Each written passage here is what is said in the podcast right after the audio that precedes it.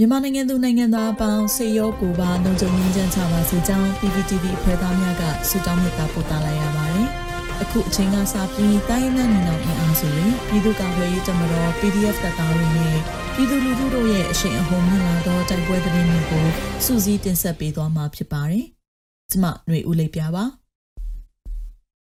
ပထမဆုံးအနေနဲ့ပေါက်မြို့နယ်ကိုင်းလေရဲစခန်းကို PDF ကဝင်ရောက်စီးနင်းပြီးရဲစခန်းကိုသိမ်းပိုက်ရရှိတဲ့သတင်းတင်ဆက်ပါမယ်။မကွေးတိုင်းပေါက်မြို့နယ်တောင်ပိုင်းကိုင်းလေကြီးရွာရှိနေမြေရဲစခန်းကို PDF စုပေါင်းတပ်များကယနေ့နနက်ပိုင်းဝင်ရောက်စီးနင်းပြီးရဲစခန်းကိုသိမ်းပိုက်ရရှိခဲ့ကရဲတအုပ်ကိုလည်းအရှင်ဖမ်းမိကြောင်းယခုအခါစစ်တပ်ကစစ်ကူများလှုပ်ပြီးတိုက်ခိုက်ရေးရဟတ်ရင်များဖြင့်ပစ်ခတ်လျက်ရှိကြောင်းဒေသခံများကပြောဆိုပါရယ်။ ဇွန်လ9ရက်နေ့နနက်6နာရီခန့်မှစ၍ပေါမြို့နယ်ကိုင်းလည်နယ်မြေရဲစခန်းကို PDF ဝင်စီးနှင်ခဲ့ကြောင်းရဲစခန်းမှုရာဇူးမောင်နှင့်အဖွဲ့ကပြန်လည်ခုခံ၍တိုက်ပွဲပြင်းထန်နေခဲ့ပြီးနနက်၈နာရီဝန်းကျင်တွင်တိုက်ခိုက်ရေးစစ်ရဟတ်ရင်ဖြစ်လာရောက်ပစ်ခတ်နေကြောင်းမြေပြင်တွင်လည်းစစ်ကူစကားများလာရောက်နေကြောင်း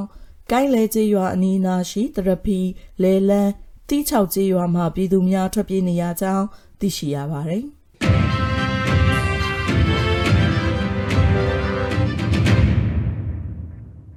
ဆက်လက်ပြီးရွှေဘုံမြို့မရဲစခန်းကို40မမဘုံတိလက်နက်ဖြင့်ငါးချက်ပစ်ခတ်တဲ့သတင်းတင်ဆက်ပါမယ်။စကိုင်းတိုင်းရွှေဘုံမြို့နယ်ရှိရွှေဘုံမြို့မရဲစခန်းကို40မမဘုံတိလက်နက်ဖြင့်ငါးချက်ယနေ့နနက်ပိုင်းပစ်ခတ်ခဲ့ကြောင်း Black Wolf PDF နဲ့တပ်ရင်းကတက်ခွဲတက်ကသတင်းထုတ်ပြန်ပါတယ်။ယနေ့ဇွန်လ9ရက်နနက်4:25မိနစ်အချိန်ခန့် Black Wolf PDF နဲ့တပ်ရင်းကတက်ခွဲတစ်တို့ပူးပေါင်း၍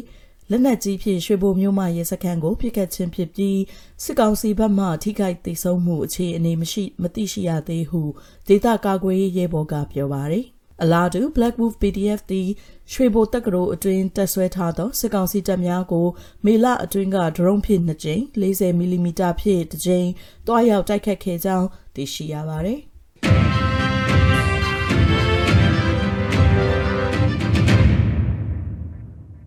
ဆက်လက်ပြီးတန်တောင်တွင်စစ်ကောင်စီရရှိတဦးစနိုက်ပါဖြင့်ပြစ်ခတ်ခံရပြီးတိတ်ဆုံးကရွှေဘိုတွင်လည်းစစ်သား2ဦးတိတ်ဆုံးတဲ့တွင်တင်ဆက်မှာပါ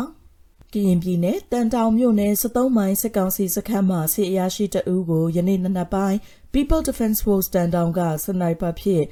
ပြစ်ခတ်ခဲ့ရာတိတ်ဆုံးသွားကြောင်း PDF တန်တောင်ကသတင်းထုတ်ပြန်ထားပါတယ်။ယနေ့ဇွန်လ9ရက်နနက်9:50မိနစ်အချိန် တန်တောင်မြို့73မိုင်စစ်ကောင်စီတပ်စခန်းအတွင်းတွင်ရှိသောစစ်ကောင်စီရရှိတအုပ်ကို People Defense Force မှစနိုက်ပါဖြင့်ပစ်ခတ်ခဲ့ရာတိုက်ဆုံသွားကြောင်းထိုတိုက်ဆုံသူမှာဒုတရင်မှုတို့မဟုတ်ဒုတက်ခွဲမှုဖြစ်နိုင်ကြောင်းစစ်တပ်ကရရွာအတင်းလက်ပတ်၍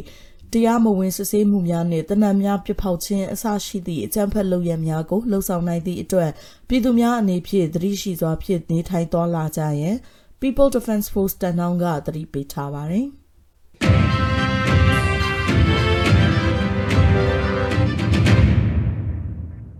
ကြိုက်ထိုအင်္ဂဘိုကျေးရွာအနီးတွင်စစ်ကောင်စီရင်နှန်းကိုပူပေါင်းအဖွဲ့တိုက်ခိုက်ခါစစ်ကားသစီးပျက်စီးပြီးစစ်သား10ဦးသေဆုံးတဲ့တဲ့ဆက်လက်တင်ဆက်ပါမယ်။မွန်ပြည်နယ်ကြိုက်ထုံမြို့နယ်အင်္ဂဘိုကျေးရွာဖျားလေးလန်းခွဲအနီးတွင်အကြံဖက်စစ်ကောင်စီရင်နှန်းကိုယနေ့ဇွန်လ9ရက်နေ့နက်တွင်တိုက်ခိုက်ရာစစ်ကားသစီးပျက်စီးကစစ်သား10ဦးသေဆုံးပြီး15ဦးဒဏ်ရာရကြောင်းပြည်သူ့ကာကွယ်ရေးတပ်မတော်တရင်3တထုံခရိုင်ကသတင်းထုတ်ပြန်ပါတယ်။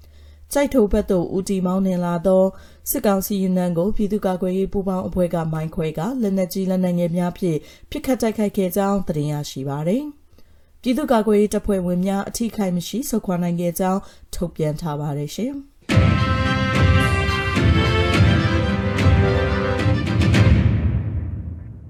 နောက်ဆုံးအနေနဲ့အမျိုးသားညီညွတ်ရေးအစိုးရပြည်ထရေးနဲ့လူဝင်မှုကြီးကြပ်ရေးဝန်ကြီးဌာနက